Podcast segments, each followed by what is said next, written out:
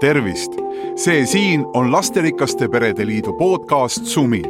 Rõõm kohtuda, minu nimi on Urmas Vaino. juba hetke pärast kõlab helisignaal ja algab vestlus, mis viib sind kokku väga toredate inimestega.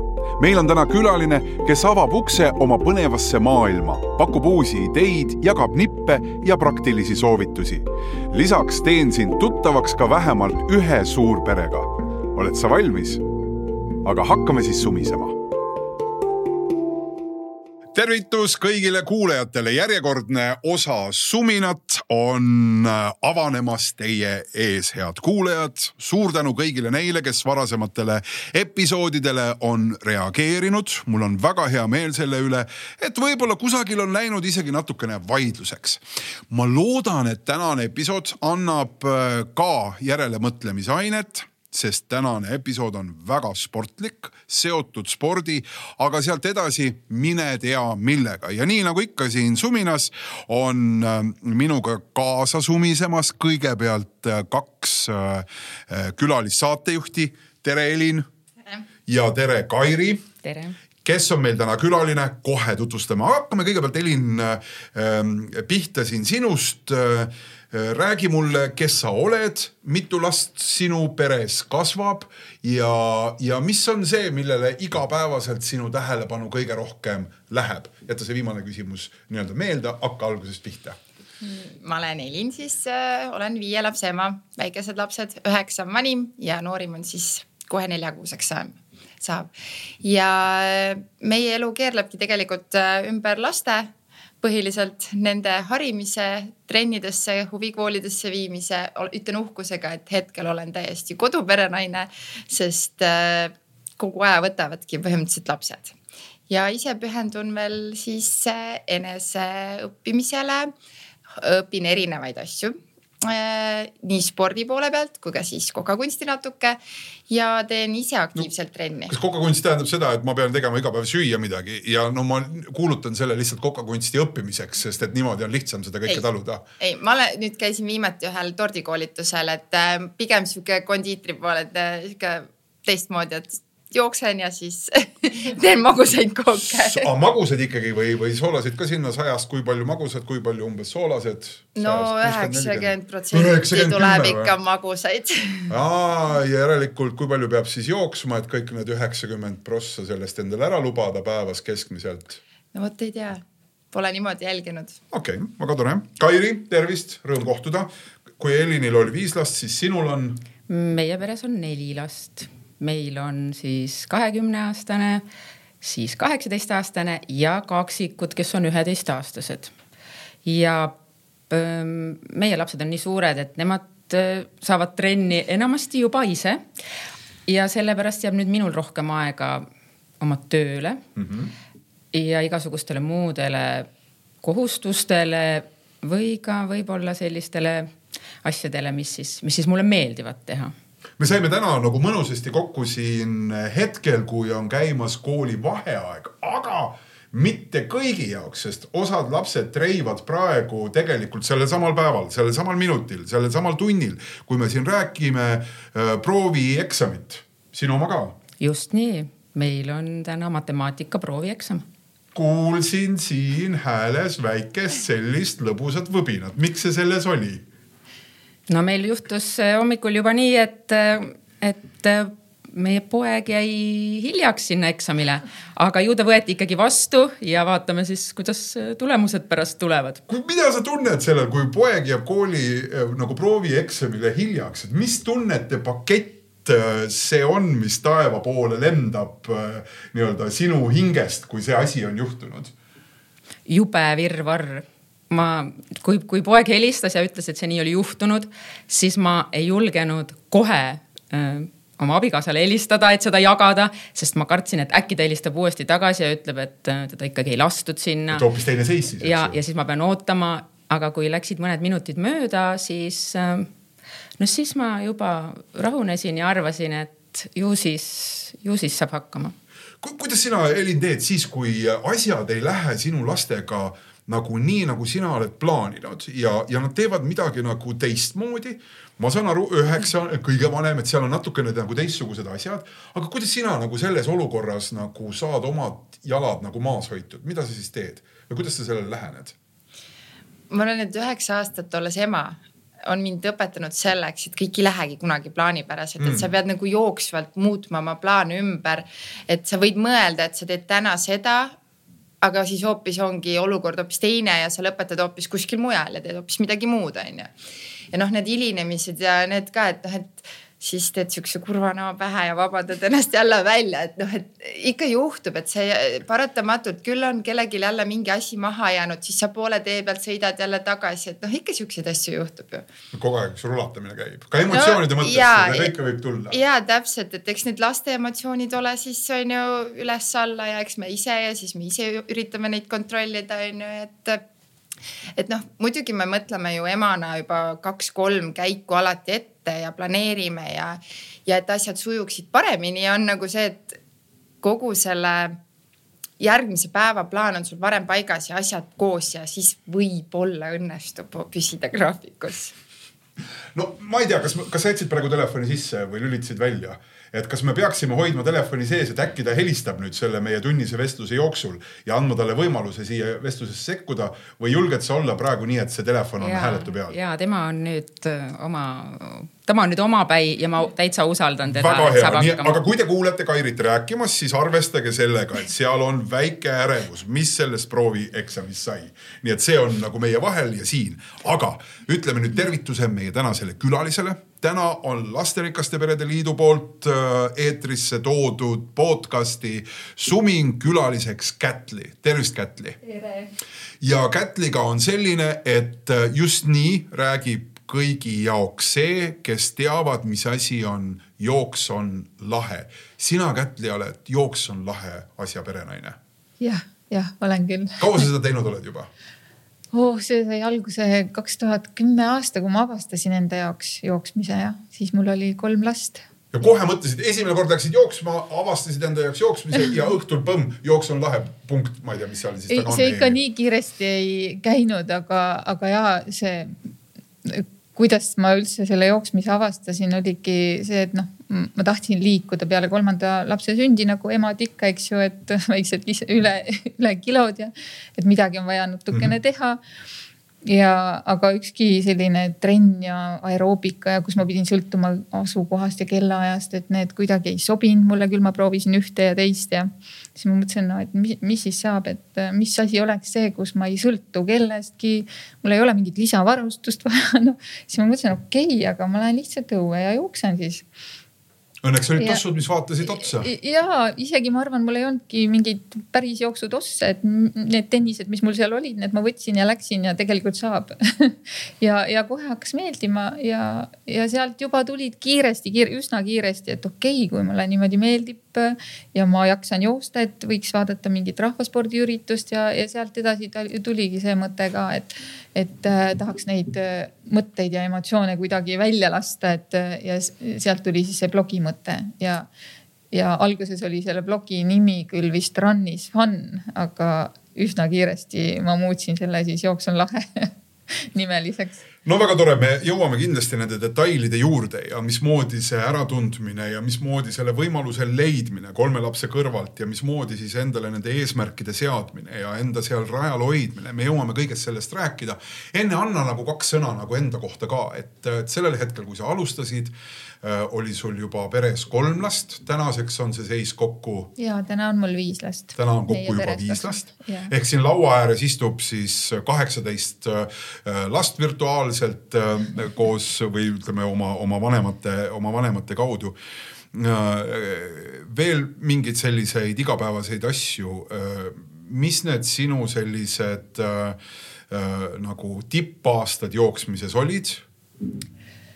Äh, no kui ma alustasin, siis kuna ma käisin rahvaspordiüritustel, äh, siis äh, seal olid ikkagi need äh, distantsid mm. -hmm. ja kiirus ja siis oligi see teine, see oli kaks tuhat kümme kuni kaks tuhat viisteist. oli sinu põhiaeg, kus sa kus sellele ma, kus ma ikka panin hullu ja jooksin ja jooksin ja, ja käisin võistlustel. see oli, see on midagi muud, mida ma täna teen väga tore, tuleme nende detailide juurde ka, kus sa igapäevaselt siis, kus teie pere elab, kus te, kus te igapäevaselt olete ja natukene lihtsalt sellest ka, et, et mis vanuses lapsed on, millega teile nagu perena tegeleda meeldib? Ja meil on kodu Võrumaal äh, väga looduskaunis kohas metsa, metsa ääres. ja lapsed on siis äh, vanuses kakskümmend kolm on kõige vanem tütar, tema on praegu Austraalias, siis on kahekümne aastane poeg, kes õpib, õpib Viljandis. kolmeteistaastane poeg käib põhikoolis ja siis nüüd äh, Rosanna seitsme, seitsmeseks saav Rosanna läheb sügisel kooli ja, ja siis äh, nelja-aastane on kõige pisem millega pere veel tegeleb peale selle, et kõik ema sabas jooksma tõenäoliselt peavad või kõndima? no põhiline on kool, aga kui nüüd võtta nagu öö, meil nüüd, kui ma kuulan siin oma saate, kaassaate osalejaid, siis äh, meil see trenni osa väga fookuses ei ole mm. -hmm. et äh, me oleme küll hästi sportlikud ja liigume, aga, aga kuidagi ma ise pole kunagi väga selline trennilaps olnud, minu vanemad ei tassinud mind trenni ja ei suunanud sinna, noh maakohas väga ei ole ka sellist võimalust tollel ajal. tööd tuleb aga... teha, mitte trenni aga, aga jah, selle oma eeskujuga võib-olla see, see on küll, et lapsed on nagu nii kui kevade esimesed ilmad, siis ja talvel ka nad ainult olekski õues mm, -hmm. et uh, uksest välja ja hommikust õhtuni õues, küll nad turnivad, sõidavad ratastega, rulatavad ja, ja, ja käivad jooksmas ja kõndimas, et see on hästi tavaline, et näiteks see kahekümne aastane poiss tuleb Viljandist koju, ta ütleb õhtul, et ma lähen teen ühe kõnniringi. et jah, see, see on kuidagi meie peres ongi. ikka paremas mõttes patoloogiline. räägime natukene sellest Jooks on lahe kogukonnast ka.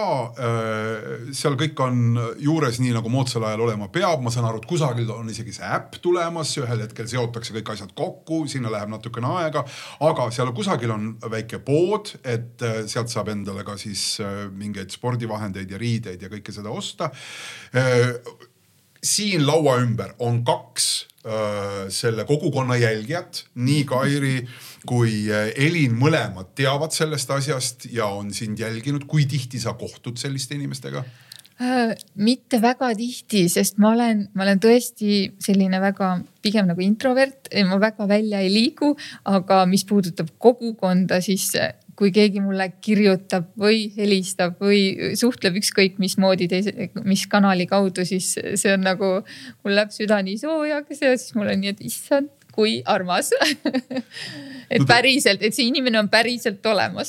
Ja, et nad ei ole lihtsalt mingid sellised virtuaalsed seal punktid. kui kaugelt kõige kaugem osaleja siis kaasa lööb, et kus need punktid sellel planeedil maa, ma oletan, et kõik jäävad ikkagi planeedile, eks ju.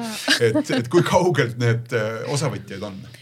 tead, siin aastate jooksul ikka, ikka on nagu noh, on Ameerikast, ma tean, üks tüdruk võttis päris tükk aega osa. Hispaaniast, noh Soomest, Norrast, et need on need, kus ma saan tagasisidet nagu, et, et me oleme mingil moel siis suhelnud. nii et globaalne märk ikkagi ühel hetkel, kui tuleb sinna Võrumaale kutse ÜRO-st, tulge rääkige, mismoodi Rahva Spordiabi Liit, oled sina kohal seal plõksti. no väga tore, see foon on antud ja võib-olla nüüd viimane asi enne veel, kui me läheme täiesti selle jutu juurde, ma tean, et, et neid aktiivselt kaasalööjaid on seal kusagil kolmesaja alla, kes praegu osalevad siis selles nii-öelda igapäevases väljakutses liikuda vähemalt viis kilomeetrit. kui palju on selles sinu kogukonnas siis umbes neid aktiivsete kaasalööjate hulgas, et kogukonnas võib-olla kokku on umbes kuus tuhat inimest, aga nende igapäevaste kaasalööjate hulgas, kuidas see meeste ja naiste suhe on selle kolmesaja ligi juures? kusjuures ikka ja väga suur osakaal on ikkagi naised ja, ja just emad, et seda ma näen hästi palju et kui seal jah, on natuke alla kolmesaja, siis kümme-viisteist meest on seal. kümme-viisteist ainult kokku? et see on, see on, ütleme, see on isegi alla ju mingi kümne, selgelt alla kümne protsendi, et see on nagu paar protsenti. oled sa aru saanud, miks see nii on, miks see just konkreetselt ikkagi korda läheb rohkem naistele? ma arvan, et seal on see ka, et mina, mina olen naine ja kuidagi ma olen hästi palju oma näo ja pildiga olen ju seda nii-öelda seda Jooks on lahe brändi mm, -hmm. see on nagu kuidagi minuga väga seotud ja võib-olla noh pereisa väga ei satu jälgima seda ja temani ei jõua see asi, mida mina teen, et, et mulle tundubki, et need mehed, kes täna on leidnud selle et see on jõudnud nendeni kuidagi suust suhu niimoodi sellise reklaamina, et kas kas abikaasa on kutsunud või sõber on kutsunud või et, et pigem see on juhtunud niimoodi. väga tore meil on see pilt olemas, hea kuulaja, kui sa oled meessoost, siis äh, ma usun, et siit edasi kuuled sa väga palju praktilist ja kasulikku. aga võib-olla see meie jutt ja sa annad selle loodetavasti andeks või mõistad, et see jutt liigub rohkem nii-öelda läbi naise situatsiooni, läbi naise positsiooni, läbi ema positsiooni äh, ja, ja siis sealt siis selle liikumise. Kätli, sa korra juba nagu lause kahega kirjeldasid seda hetke Äh, kus sa otsustasid võtta ette esimese nagu jooksusammu. räägi sellest veel natukene, et mis selle juures siis äh, sind seda tegema sundis? ja kui ma seal kaks tuhat kümme alustasin, siis äh, need situatsioonid on jah, natukene erinevad, kui ma siis selle, seal oli see nii-öelda see esimene trigerdaja see, et noh, mul on vaja liikuda, siis ma väga ei tundnud seda, et mul on vaja nagu, et ma olen nüüd siin laste jaoks olnud või kuidagi vastupidiselt siis, kui ma nüüd kaks tuhat üheksateist peale neljanda-viienda lapse sündi alustan, siis ma konkreetselt tundsin, et oh, ma olen endast andnud kõik. ma elan, elanud ainult laste ja pere jaoks, et kuidagi iseenda olen täiesti ära kaotanud. ja, ja sealt tuli see, et ahah, mis see, mis see tuttav asi minu jaoks on jooksutossud jalga ja läksin ja esitasin endale väljakutse, et okei okay,, sellest peab saama järjepidev asi iga päev midagi minu jaoks, tunnike minu jaoks. et äh, aga äh, alguses ja kaks tuhat kümme, kui ma siis, siis oli pigem see enese avastamine, ma leidsin mingi hobi enda jaoks, mul polnud varasemalt elus ühtegi hobi olnud. et äh, siis oli selline adrenaliin ja enesekindlus ja enese kuidagi selline tõestamine endale kõik need võistlused, kus ma käisin ka, seal oli pigem see, et ma võistlesin alati iseendaga. et äh, mul ei olnud seda, et, äh, et ma võistleks kellegi teisega või kuidagi see enese tõestamise mm -hmm. vajadus oli hästi suur Kairi, mis sind on sportimise juurde viinud?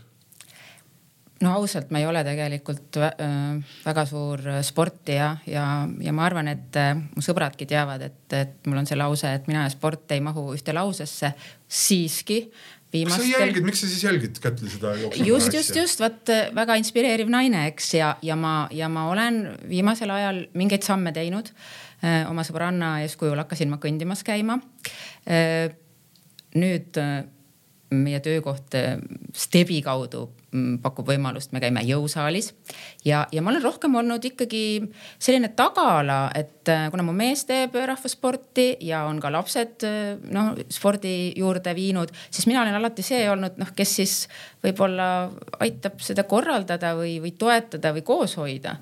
et äh, aga nagu ma ütlesingi, et lapsed on nüüd piisavalt suured, siis nüüd ma näen ise ka, et, et ma tõesti võin ka lubada endale sporti mis see tähendab, võin lubada? noh, selles mõttes, et mul on nüüd see aeg ka, rohkem sellist aega. Helin, sul on viis last Uh, kui palju sa ise teed sporti, sinu enda spordilugu on see, et sa oled tegelikult kunagi teinud päris palju sporti, eks ju? ja hommikul, õhtul viis korda, seitse korda nädalas. seitse korda see, nädalas?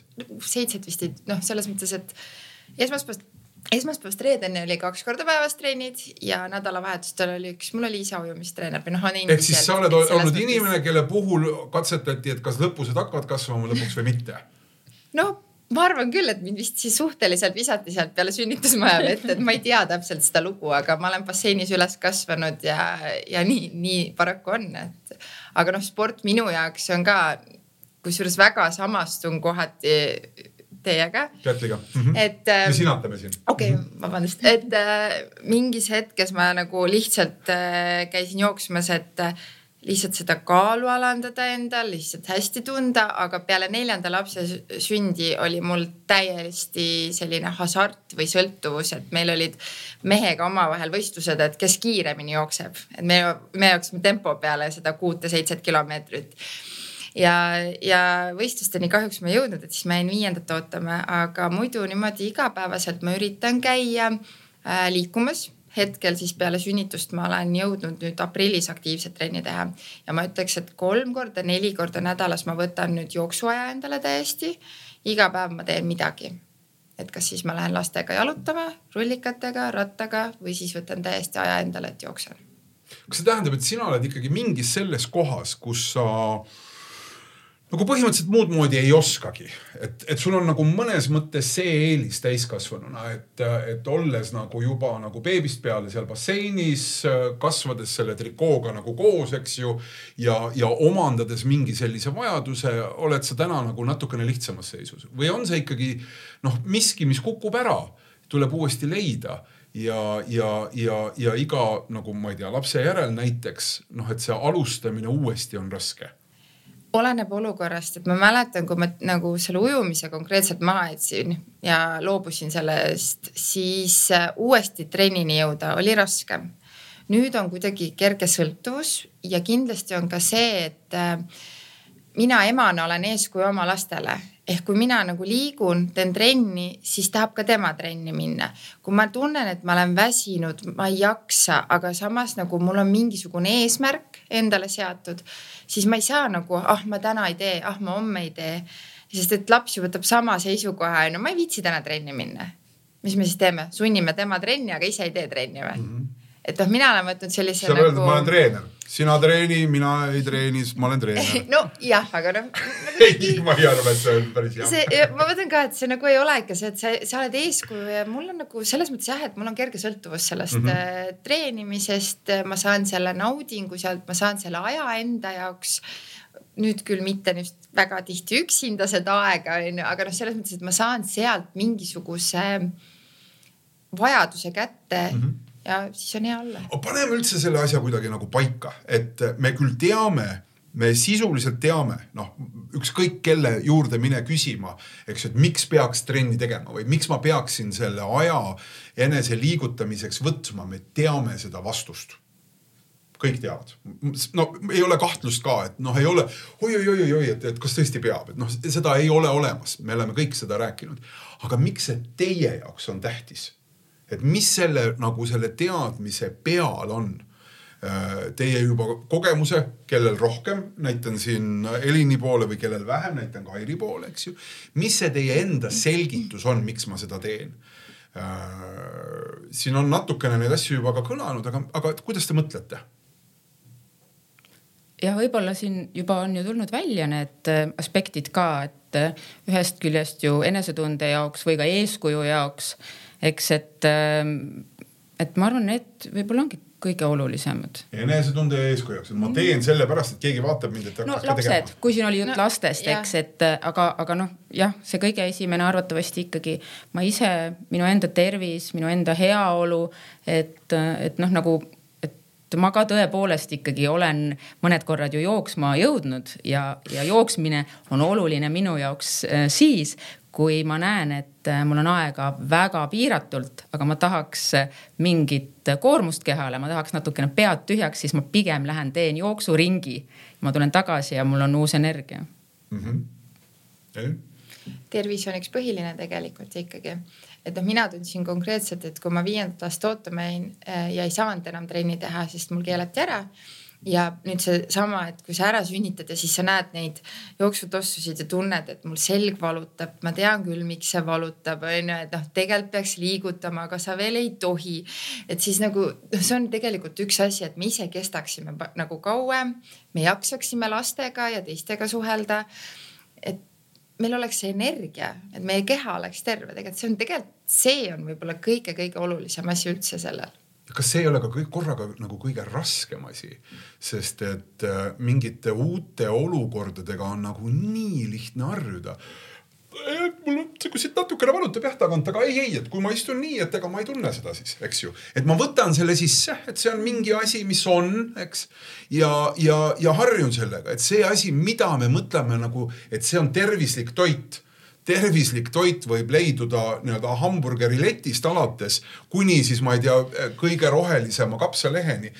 kõik selles skaalas võib olla kusagil seal tervislik ehk me, ehk me nagu äh,, nagu olles nagu kõige selle keskel, noh, hoida nagu sellest nagu põhimõttest kinni on minu arust nagu pagana raske sest et sa räägid endale õigeks selle olukorra, et nii praegu peabki olema, mul on viis last sündinud, see peabki olema nii, nagu ta on, eks ju. ja, ja sellepärast ma saan seda kõike edasi lükata. on see tuttav, Kätli?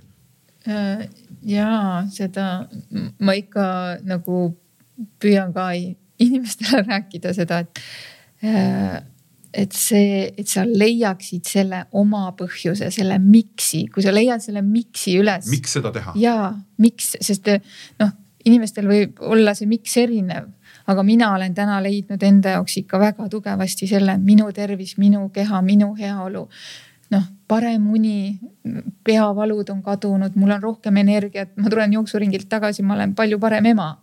et äh, aga jah, et sealt seda tasakaalu leida, et mm, noh, minu jaoks on see täna ikka väga tugevasti harjumus ma lähen ja ei ole mingit probleemi, kui seal jääb üks-kaks päeva vahele, et see ei ole nagu üldse midagi. et aga ma tean, et kolmandal päeval ma jälle lähen, sest see on mul nelja aastaga siin nii tugevasti kehas sees, et.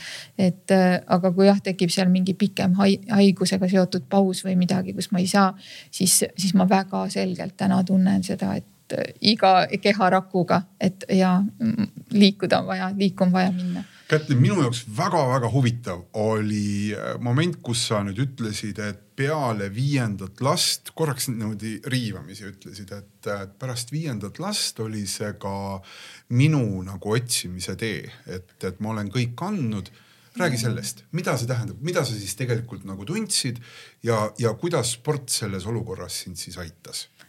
Ja või see liikumine, nimetame seda. ja, ja sealt see tuli kuidagi noh, ma ei osanud ise sellele nime anda, ma ei osanud sõnastada, sõnastada seda, et aga, aga lõpuks ma kuidagi olin seal see viies kõige väiksem laps ja, ja, ja ma tundsin, et nagu nii raske on ja, ja kuidagi ma ei olnud avastanud enda jaoks, ma ei ole väga see, kes äh, nendes beebigruppides on ja ma tundsin kuidagi, et ainult mina tunnen niimoodi, ma olen läbi kukkunud emana ja, ja ma, äh, ma ei ole hea ema ja kõik sellised tumedad mustad mõtted.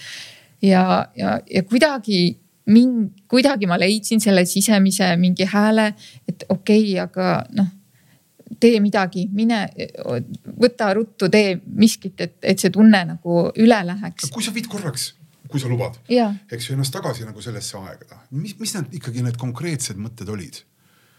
mis olid need asjad, mis sulle nagu pähe tikkusid?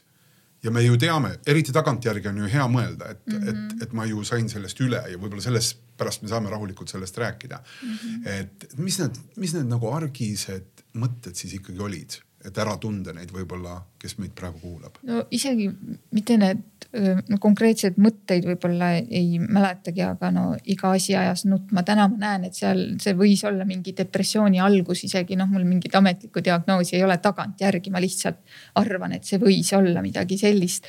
et aga, aga ma mõtlen ka seda, et võib-olla oli see hetk nii õigel ajal, et ma tabasin selle nii õigel hetkel.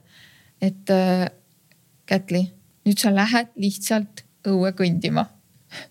ja, ja teed seda regulaarselt, minu jaoks oli oluline see, et ma ikka aeg-ajalt käisin mm. -hmm. et aga ma leidsin hästi tihti endale põhjusi ka, et aa, täna beebi, talle ei sobi või aa, keegi ei hoia või et hästi tihti leidsin põhjusi nagu, et miks mitte nagu minna.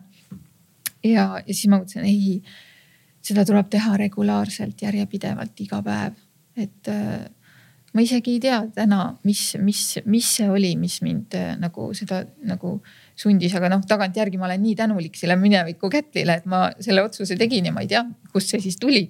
aga, aga ja see hetk, seesama, ma seda konkreetset hetke mäletan, sest ma istusingi beebiga seal maas ja ma mõtlesin, okei okay,, mis oleks, kui nagu liiguks iga päev viis kilomeetrit ja, ja ma võtsin telefoni, tegin Facebooki postituse kohe reaalajas, panin ülesse kõige, kõige esimesed emotsioonid ja ütlesin, kes tahab, võib kaasa tulla, et äh, mina tunnen täna, et ma pean endale selle väljakutse esitama.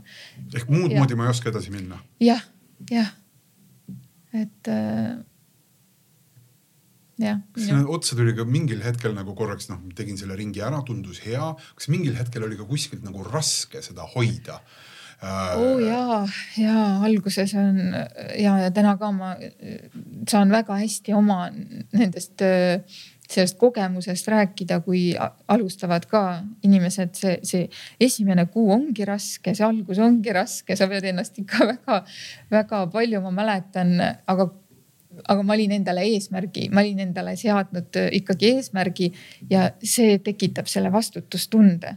mul oli ka seal hetki, kus mul ei olnudki lapsehoidjat, aga siis sa hakkad mõtlema lahendustele. ma võtsin selle käru, panin ta siis terrassi peale magama ja jooksin ümber maja kahesaja meetriseid ringe, tegin viis kilomeetrit. et, äh, et mitte seda järjepidevusse sinna auk tekkida, sest alguses on see hästi oluline esimestel kuudel. et äh, noh, siin on erinevaid arvamusi, et kuna see nii-öelda see harjumus päriselt siis äh, tekib ja, ja sa oled saavutanud selle, aga mina arvan, et äh, minu, minu käest ka küsitakse, et noh, et kuna see järjepidevus siis noh, et kuna, kuna sa saavutad selle liikumise harjumuse mm, -hmm. aga, aga see liikumise harjumus on täpselt siin see selle hetkeni, kui sa otsustad loobuda siis tuleb jälle uuesti alustada. Elin, kui tuttav see on? Mida sa siit tunned ära, kus, kus on see nii-öelda see raske punkt olnud sinu jaoks, kus hoida seda, mida sa oled juba suutnud tegema hakata? väga palju on tuttavat, nüüd eriti kui ma nüüd äh, peale viiendat hakkasin jooksmas käima, siis ma proovisin kõigepealt jaanuaris, ta sündis kolmkümmend üks detsember mul. proovisin jaanuaris, kaks korda käisin jooksmas raske oli, külm ilm oli, paha oli. libe. libe oli, täpselt, tuul oli no,. ei, proovisin veebruaris, siis me jäime muidugi kollektiivselt kõik haigeks. ja nüüd ma võtsin ka äh, aprillis endale eesmärgi, kõik, vana vorm tuleb tagasi saada, nagu just see jooksuvorm, see harjumus, see aeg, kõik. ja esimesed vist kaks nädalat oli küll nii, et panid tossud jalga, küsisid endast, miks ma endalt, miks ma teen seda? miks, mille jaoks mul on vaja seda? Esimesed kilomeeter vist jooksid ära ja siis see esimene kilomeeter on kõige raskem ja sealt tulevad need jooksusammud nagu iseenesest, see on nagu kõndima õppimisega, et kui sa korra kõndima oled hakanud, siis sa tegelikult kõnnid ju. et sa nagu need jalad lihtsalt liikusid ja läksid ja läksid ja siis mul oli see, et tahaks kiiremini joosta, vaatad kella pealt, ei tohi veel siis hoiad tagasi mm -hmm. tempot onju. et see on tegelikult äh, õige, et kui sul alguses on raske, siis ei tohi kohe alla anda et ta igal juhul läheb raskeks, sest et kui ta ei lähe raskeks, siis järelikult äh, noh, teed sa midagi nagu, nagu vähe või, või et iga kord, kui sa teed midagi, mis on, mis on nii-öelda väljakutse, siis ta peabki olema raske, et seal on see sisemine lihtne loogika sees. no eks ole igal inimesel erinev on ju, mhm. et kelle jaoks, mis on raske, et äh, kas see just see, et sa hoiad seda järjepidevust, võib-olla mõne jaoks on see viis kilomeetrit on ju liiga raske, mõne jaoks on võib-olla liiga kerge, et noh, kõigi jaoks ongi see, see täpselt see nagu erinev, et äh, ma ei tea, no ta mingil määral ta peab olema raske mm. -hmm. mingil mingi, määral, mingil, mingil määral, aga see ongi see, et me peame kõik iseennast, iseenda keha äh,, vaimu tundma, teadma täpselt, et mis, mis, mis maani me laseme nagu sellel raskusel minna, et ei tohi ka üleliia raskeks meile minna Kairi, kuidas sinul on need hetked, kui midagi tuleb ette, justkui nagu peaks, ise väga tahaks, aga samal ajal istub kõrvaga siin õla peal mingi selline kääbus sosistav, kes ütleb. ja, ja kuna ma ju esindangi siin rohkem seda mitte nii hea, hea sportliku ja toonuse poolt, siis ma tahakski just sa öelda. tutvustage meile oma kääbust, kes sulle siis ma, siis ma ütlengi julgustuseks nüüd mõnele kuulajale, et, et absoluutselt see on ka väga normaalne, et ma tegelikult ei saagi minna, ükskõik, mis see põhjus on, sest noh, põhjuseid mm -hmm. võib mhm. olla erinevaid tõesti, et, et mõni on nagu päris põhjus ja teine nagu ei ole päris, eks ju. et, et mina olen nagu ka aru saanud enda jaoks, et, et neid piiranguid ma tegelikult ei, ei tohi endale panna või nagu siit ka tuli välja ja, ja Kätli ütles, et, et kui mõni päev jääb vahele, see ei pea olema see, et, et mis nüüd siis äh, saab selleks äh, nagu, nagu selliseks vaheetapiks, et olgu, ma langesin nüüd välja ja nüüd ma nagu nüüd ma ei peagi tegema või, või ei tee enam. ma pääsesin ühest küljest teisest ja, küljest ette pärast musta auku. et tegelikult mm -hmm. ikkagi see, see endaga rahulolu, see pool minu arust on, on ka väga-väga tähtis, et ja, ja tõesti eesmärgid see on, see on hästi hea märksõna ja, ja noh, üleüldse, et siis juba me läheme väga kaugele sellest, et, et kuidas neid eesmärke seada ja miks neid on vaja, eks, et, et. Ähm, see on muideks väga see... huvitav teema, et sa selle mängu tood, sest äh, siin äh, enda perekondliku spordi tegemise kontseptsiooni seadmise juures on see olnud ka nagu väga teema, et, äh, et minu abikaasa jaoks on need asjad väga palju rohkem kuidagi nagu endasse, minu jaoks tundub nagu, et tahaksin nagu seda teha või siis ma ei tea, seal mingil võistlusel või, või minna kuskile sinna jooksule. kuidas sina oled enda jaoks, Kätli, neid eesmärke seadnud, et, et kuidas sa neid noh, ma saan aru, et üks on see vorm, tegemise vorm, viis kilomeetrit liikumist päevas. Aga kas seal on nagu see ka taga, et miks, miks seda on sinu jaoks vaja, et me rääkisime sellest abstraktsest tervisest, eks mm, -hmm. see on arusaadav, aga, aga jälle ma panen sinna kohe juurde, et noh, et täna nii, homme naa, vahepeal tunnen paremini, vahepeal halvemini, et kuidas ma seda aru saan, et nüüd on tervis või et nüüd ei ole mhm. tervist, seda me mõistame lihtsamini, et aga mis see eesmärk on, kuidas sa ise seda näed? et no, mida ongi, see peaks andma? seda ongi nii raske mõista, sest sa ei saa seda justkui mõõta et mis mõttes mu terv-, tervis on oluline, aga käin siin kümme päeva jooksmas, ma ei saa aru, et ma olen tervem aga mina olen seda mõelnud niimoodi, et noh, mm, et ma iga liigutud päevaga toon endale elupäevi juurde. ehk siis nagu konkreetselt äh, ma pikendan oma eluiga ja see on minu jaoks äh, see, mille pärast mina teen. et see viis kilomeetrit ja see liikumine, noh minu jaoks on see olulisem asi seal selle juures järjepidevus, see on see kõige olulisem asi, et ma teen seda järjepidevalt mm.. seal võib olla ka viis päeva pausi, aga et ma jätkan, teen, et siin ka noh. see väljakutsega seoses, et, et seal on ka nagu lubatud, eks ju, et viis vaba päeva, et sa ei pea, sa võid võtta need viis vaba päeva. et kui kellelgi kukub seal, kukub selle ree pealt maha, tuleb see kuues päev, siis ma tahaks nii julgustada, et, et noh uuesti, alati saab uuesti alustada, et, et see järjepidevus on seal see hästi oluline asi ja, ja, ja meie peres lahenes see siis nii, et mina olen ikkagi hull oma nende mingite soovide ja, ja eesmärkide ja tahtmistega. aga, aga siis mu kaasa on nagu sõnastanud minu jaoks, mulle tundub sest et mina ütlesin, et kus see su eesmärk on, kus see su eesmärk on, püüdsin ta välja pigistada ja tema on öelnud, okei okay,, kui sa seda tahad, siis mulle meeldiks see, et ma seitsmekümneselt jõuaksin nädalas kaks korda viis kilomeetrit joosta, et see on see eesmärk. noh muidugi mina jään rahule ja ütlen nii väga hea, nüüd on see tehtud, eks ju, et aga, aga et kuidas see enda sisemuselt töötab, see, see tegelikult lõpuks ei ole tähtis, peaasi on, on, on kuidagi nagu seda enda jaoks visualiseerida mm. -hmm. mida sa siis teed selle jaoks, sul on viis last need on ikkagi nagu võtavad aja, eks ju, et kuidas sa nagu lood endale seda võimalust mm. -hmm. et sul jääks aeg kasvõi tiirutada ümber maja mm, -hmm. aga see on aeg mm. -hmm. viis kilomeetrit kõndi, noh, see tähendab ikkagi umbes nelikümmend, nelikümmend viis minutit, kui panna nii-öelda hooga, eks ju, tegelikult pigem rohkem tund mm. -hmm. kuidas sa selle aja võtad? Ja see on, see on üks kõige levinum põhjus, mis inimesed ütlevad. Mul ei ole aega. mul ei ole aega. Ja, ja siis mina ütlen selle peale, et meil kõigil on sama palju aega ja tegelikult sul on see aeg lihtsalt, sa pead seadma endale prioriteedid, mille jaoks sa seda aega tahad. Ja, ja kui sul on see prioriteet, see eesmärk, milleks sa tahad seda aega, siis sa selle aeg, aja sealt päeva, päevast üles leiad. Ja mis mis äh, mulle meeldib see, mis ma enda puhul ka tegin, et äh, ma tegin enda päevas inventuuri. paningi paberile kirja, hommikust saati ärkasin üles, pesin hambaid, sõin, siis äh, istusin telefoni, vaatasin seebikat, siis helistasin sõbrale, kaks tundi rääkisime.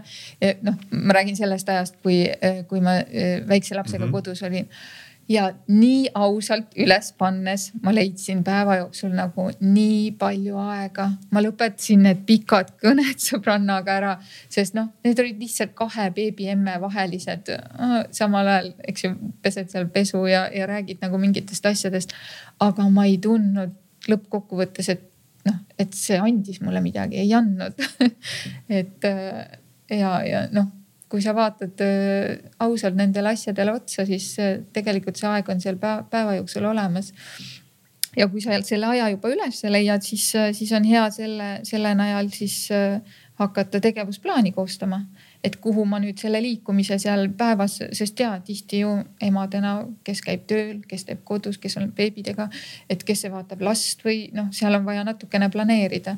et, et siis panimegi paika, vaatan abikaasa tööpäevi, siis enda, siis kas vanaema saab aidata, siis kas vanemad lapsed on kodus ja, ja nii, nii selle aja ilusti saab planeerida ja sa leiad selle. et ähm, ja, ja siis kõva häälega see välja hõigata, kuulge, hei, et kõik pereliikmed teaksid, sõbrad teaksid, sa võid isegi sotsiaalmeedias hõigata. kuulge, ma võtsin väljakutse vastu, ma liigun nüüd iga päev viis kilomeetrit, siis sul tekib see vastutustunne. Et alguses, nagu ma ütlesin, algus, iga algus on raske, iga uue harjumuse juurutamine on raske. et ja, ja kui sa siis selle välja ütled, siis on see, et ahah okei okay,, kui ma nüüd homme ei lähe. et äh, ja abikaasa küsib, et kas, oota, kas sa ei läinudki või et siis sa pead justkui kellelegi aru andma. et alguses, ma arvan, on see hästi oluline ja, ja. see on rütmi loomine lihtsalt. jah, jah, mhm. just ja hästi tore oleks, kui sa leiad endale sõbra ja vastutuskaaslase. mina nimetan seda vastutuskaaslaseks, sest äh, see võib olla ka virtuaalne sõber, te ei pea olema niimoodi, et, et sa lähed nüüd abikaasaga koos, sest noh mina ka tihti ta, oleks tahtnud minna abikaasaga koos kõnni, kõnniringile, aga üks pidi last jääma vaatama. et aga see võib olla ka virtuaalne sõber või, või teises linnas elav sõber, aga te lepite kokku, et kuulge, kuule, et me läbime koos, teeme kuu aega, liigume iga päev ja siis aeg-ajalt helistad, kuule, et täna läksid ikka, et mis kell sa käisid, kus sa käisid. et, et see, see annab ka selle, et, et sa ikkagi teed seda. ehk see üksinda olemine annab nagu väga palju suurema võimaluse leida neid põhjuseid, miks mitte täna seda teha, sest mul on tõesti päris mm -hmm, kiire sa hakkad endale otsima neid vabandusi jah. Helin, kuidas sinuga on, sul on viis last, nooremad veel, eks ju, et kuidas sa endale selle aja lood, et ma saan aru, et sa oled ju ka ikkagi igapäevaselt vähemalt osalise ajaga nii-öelda navigeerija, et sa aitad neid erinevatesse trennidesse ja nii edasi, et kuidas sa selle aja leiad enda jaoks? no meil on lihtsalt nii, et mul abikaasa on pool nädalast üldse ära ja mul ei ole nagu väga võimalust äh, kuhugi neid jätta kellegagi, siis ma võtan nad kaasa. et me beebi vankrisse ja kes tuksiga, kes rattaga kaasa ja lähme jooksma või liikuma, et äh, lihtsalt nii teemegi, et paraku ma olen enda jaoks selle nagu. ma korraga, kuuene brigaad sinuga koos siis nagu liigubki kuskil ringi, kui abikaasa on parasjagu kuskil tööl teises kohas. kuuekesi panete niimoodi? Mm? eile käisime rulluiskudega sõitmas. kõik uisutavad rull? no kõige väikse või no see, no see neljas jah. oli siis nagu minu toel, et üks hetk ta siis nagu vahetas ikkagi tõuksi vastu mm -hmm. välja. aga ja, et äh, minu jaoks oli alguses oli enne viiendat, siis väga oluline see, et ma sain selle enda aja, et ma sain mõtteid koguda, kuulasin midagi head kõrvaklappidest, jooksin. Nüüd ma mõtestasin selle enda jaoks ümber, et äh, ma ei saa hetkel seda, aga mul on vaja liikuda. seega leiame lahenduse ja leidsin lahendusegi, et ongi kas siis vankriga või äh, kui, kui on, keegi on lasteaias ja kui on koolis mõned, siis ma võtan selle beebi ja lähen siis temaga lõunatudu ajal jooksma või noh. sest tegelikult me leiame selle aja, kui me väga tahame, et täpselt, täpselt ongi see, et me vaatamegi oma päevaplaani üle, kuhu me selle jooksmise mahutame. Kas ma teen seda siis kellegi trenni ajal, olen kus iganes kohas, Pirital, Viimsis, ma ei tea, kus iganes metsa vahel, teen selle trenni ära. tuleb täna kakskümmend minutit jooksu, no siis tuleb tuleb järgmine kord rohkem, siis tuleb rohkem.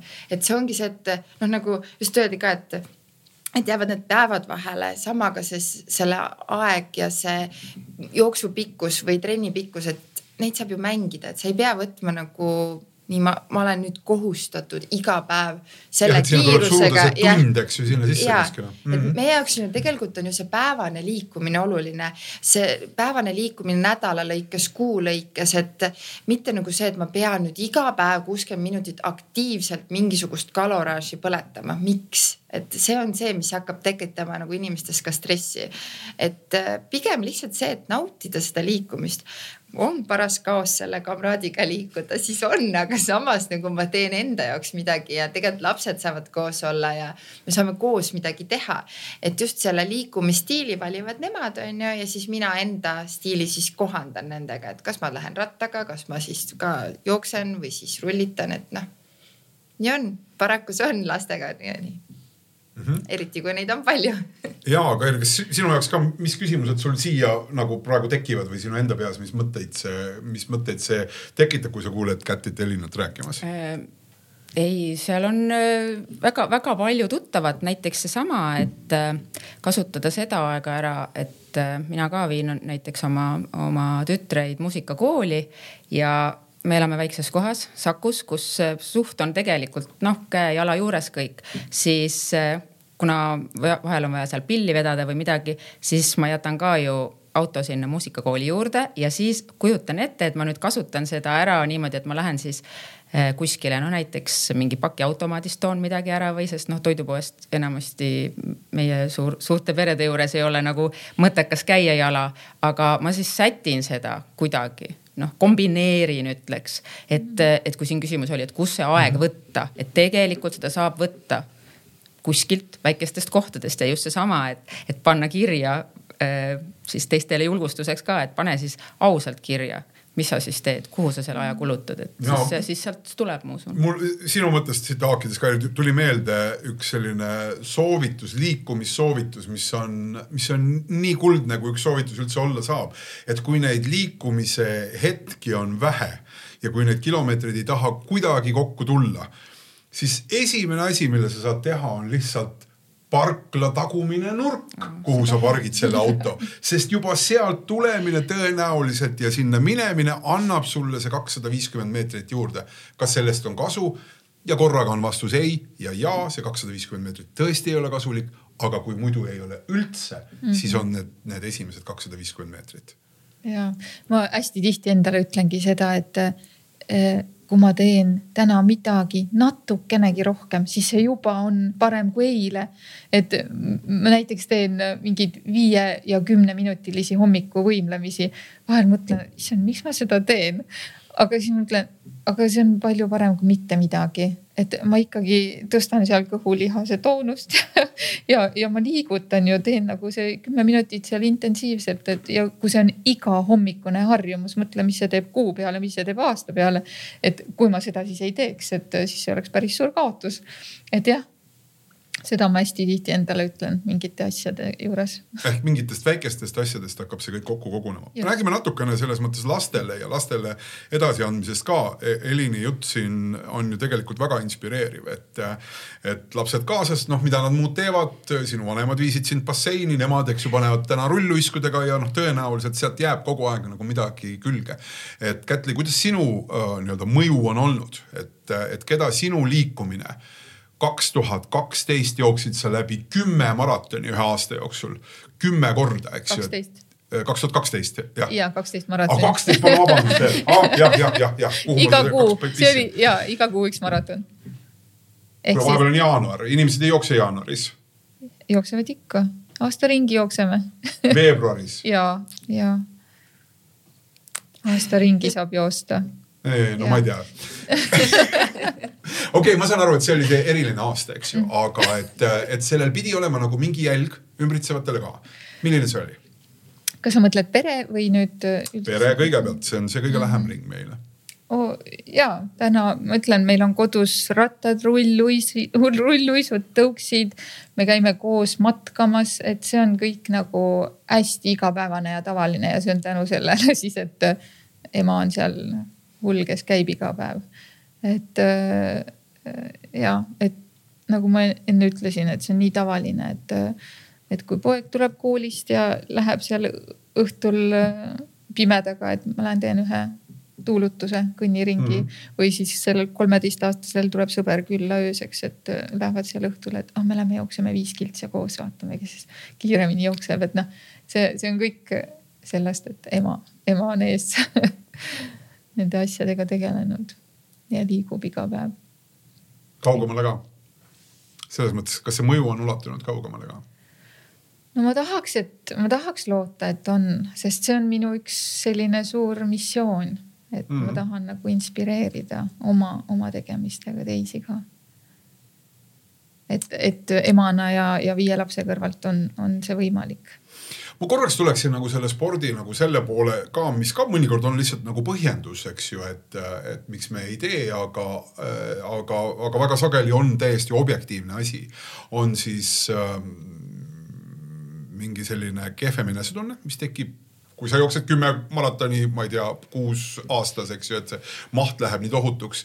et, et kuidas nii-öelda panna tähele seda, et ma ei tee siis nüüd praegu liiga endale, et, et kas ja see võib juhtuda eriti siis, kui ei ole väga ammu midagi teinud või ei ole üldse midagi teinud, et kuidas hoida seda, seda optimaalset, mis on see, mis võiks äh, olla nagu äh, silmapiiril või, või radaril, et mõista, et, et ma ei tee endale liiga no mis mina olen siin nagu jaganud ka just ongi selle ohutuse mõttes või noh, ülekoormuse mõttes, et kui sa ikkagi kõnnid, siis on raske nagu ennast nagu äh, üle treenida. kõndimisega üle. jah, just, et mm -hmm.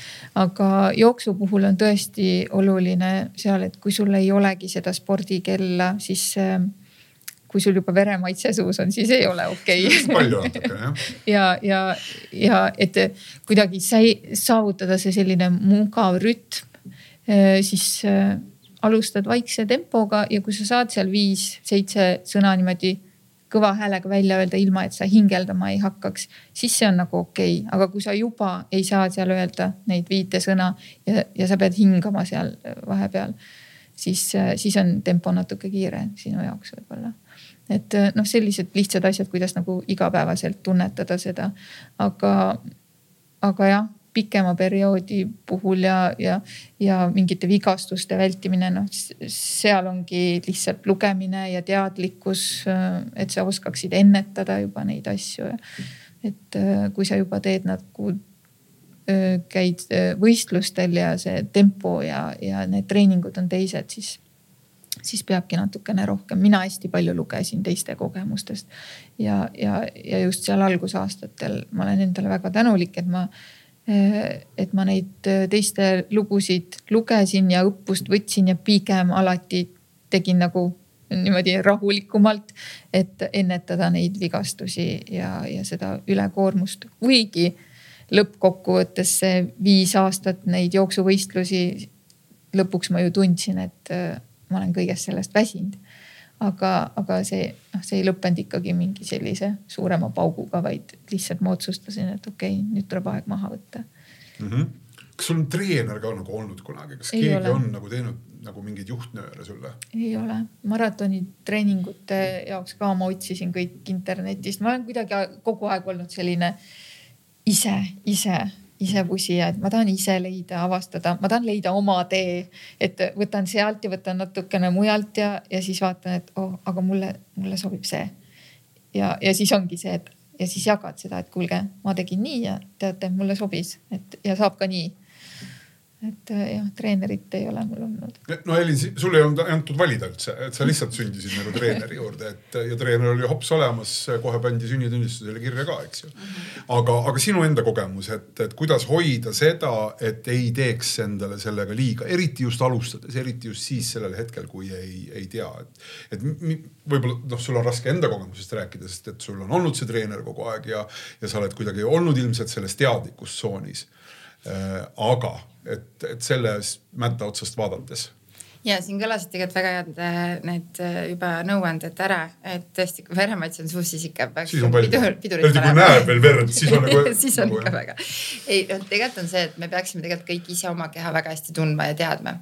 ühele on üks asi hea, teisele ei ole jällegi üldse hea, et ähm, meie need taluvuspiirid on ka kõigil siiski väga-väga erinevad, et äh, ja see treenitustase on, on ju kõigil erinev.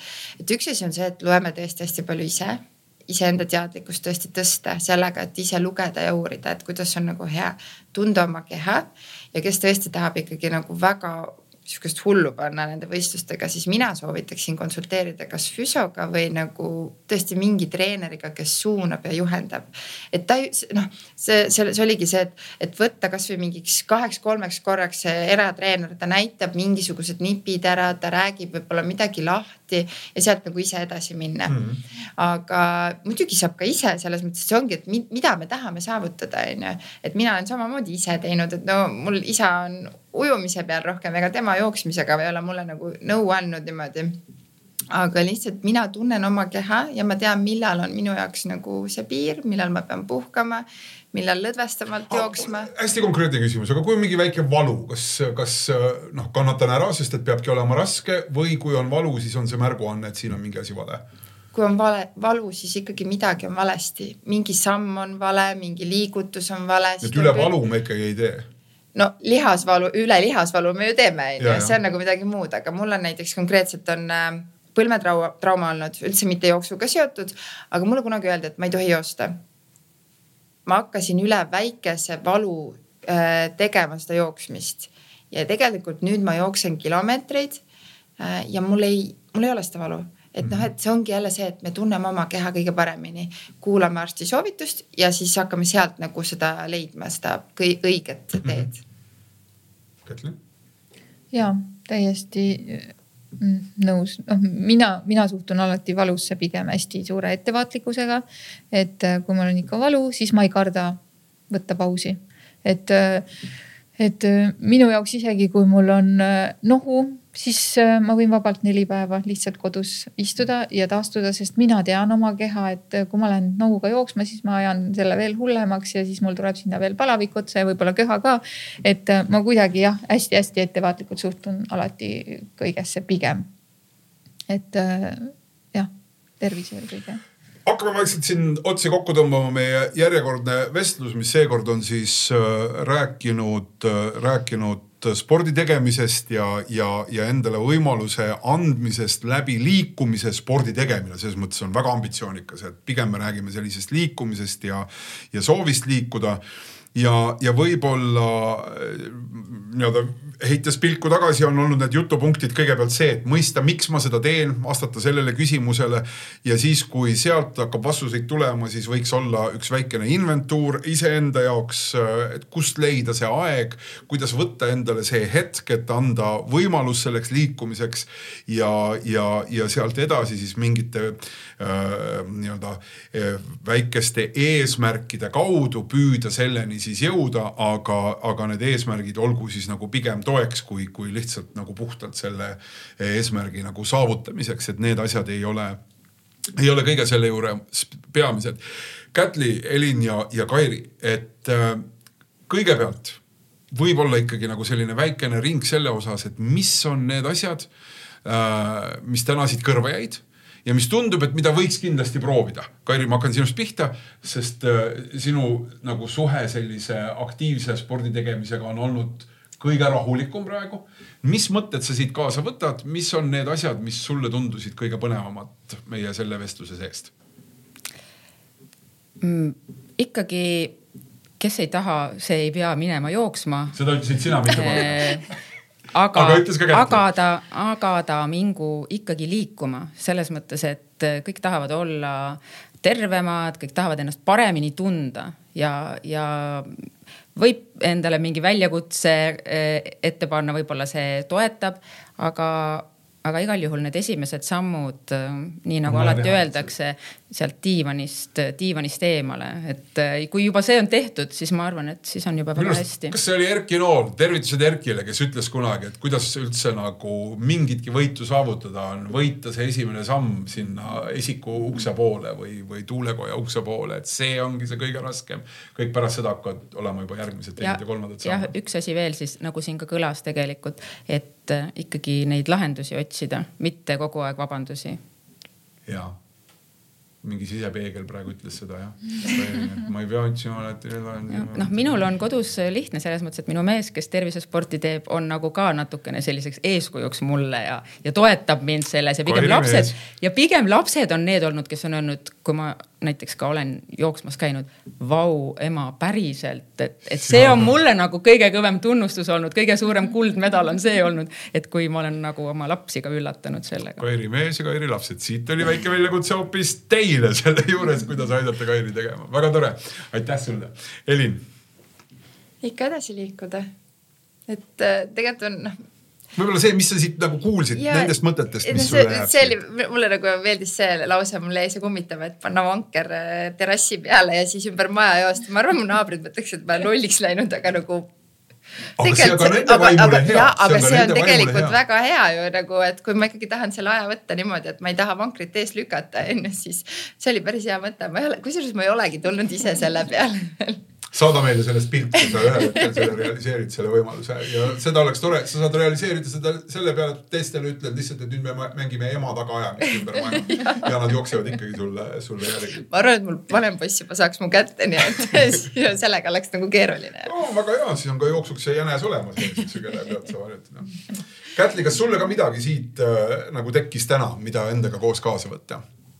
no eks need kõik mõtted olid nagu väärt mõtted ja ma olen nendega, me kõik siin oleme tegelikult kokku puutunud ja teame ja äh,. aga ma ikka tahaks rõhutada seda, et emad võtaksid endale aja ja, ja nad peaksid seda tähtsaks, sest hästi raske ongi seda endale nagu tunnistada, teadvustada, et äh, okei okay,, mul on vaja see aeg võtta päevas enda jaoks. ja noh, liikumine lihtsalt, see on üks kõige lihtsam viis äh, minna ja tuulutada ennast ja kuidagi saavutada see võib-olla selline eduelamus ka sellise füüsilise liikumise näol, et võib-olla üks mõte lihtsalt veel siia lõppu, millest me ei ole rääkinud ja, ja ei jõua pikalt rääkida, aga see on ka selline omamoodi, ma ei tea, kas sa usud meditatsiooni või mitte, aga jooks iseenesest on, on nagu miski täiesti teistsugune seisund. see rütm, mis seal jooksus tekib, isegi siis, kui sa jooksed väga erinevat maastikku üles-alla, vasakule-paremale, pead kuskil hüppama või nii edasi. see loob mingi täiesti teistsuguse tunde, mida ei ole võimalik ja see ei ole see tunne, mida sa tundsid kooli kehalise kasvatuse tunnis, kui keegi piitsaga nurga pealt hüüdis jookse loom, jookse, eks ju, see ei ole seesama tunne. täiskasvanuna teadlikult seda tehes mm, -hmm. siis selles on hoopis mingi teine asi sees. sada protsenti nõus. ja seda ei ole ja. võimalik kirjeldada mm, -hmm. seda tunnet saab ainult kogeda, sest et see on sinu peas tunne. ja, nii nõus, et kui, kui ma otsustasin ka võtta sellise rahuliku kulgemise, ma naudin loodust, oi kuidas ma täna naudin loodust, ma näen, ma märkan asju, ma seda kollast liblikaid, neid sinililli. et äh, varem, kui ma seal nii-öelda treenisin, trenni tegin sajaga, siis äh, ma neid asju ei märganud aga jah. kaksteist maratoni aastas ma ei saa üle sellest, aga mul on väga hea meel, et sa oled jõudnud teha nii seda kui ka seda teist, märgata mulle. seda liblikat ja nühkida läbi need viissada peaaegu kilomeetrit, mis selle kaheteistkümne maratoniga kokku tuleb. Suur aitäh selle vestluse eest teile kõigile, ma väga-väga loodan, hea kuulaja, kes äh, sa viimase tunni oled meiega koos olnud, et siit tuli inspiratsioon, kas jätkata seda, mida sa oled juba teinud, saada meelekindlust või siis alustada? Ja alustada alustada saab kõige lihtsamalt A otsustades, jooks on lahe, guugeldades, vaata järgi, mida Kätli teeb, mida teevad need teised inimesed.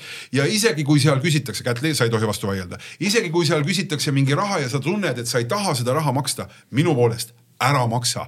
lihtsalt jälgi seda seltskonda seal ja sa saad alati nende kõrval olla ja teha seda enda plaani. ehkki ma saan aru, et selle maksmisega juhtub ka toredaid asju, aga sellest mõni teine kord või vaata juba ise selle Jooks on lahe saidi peal.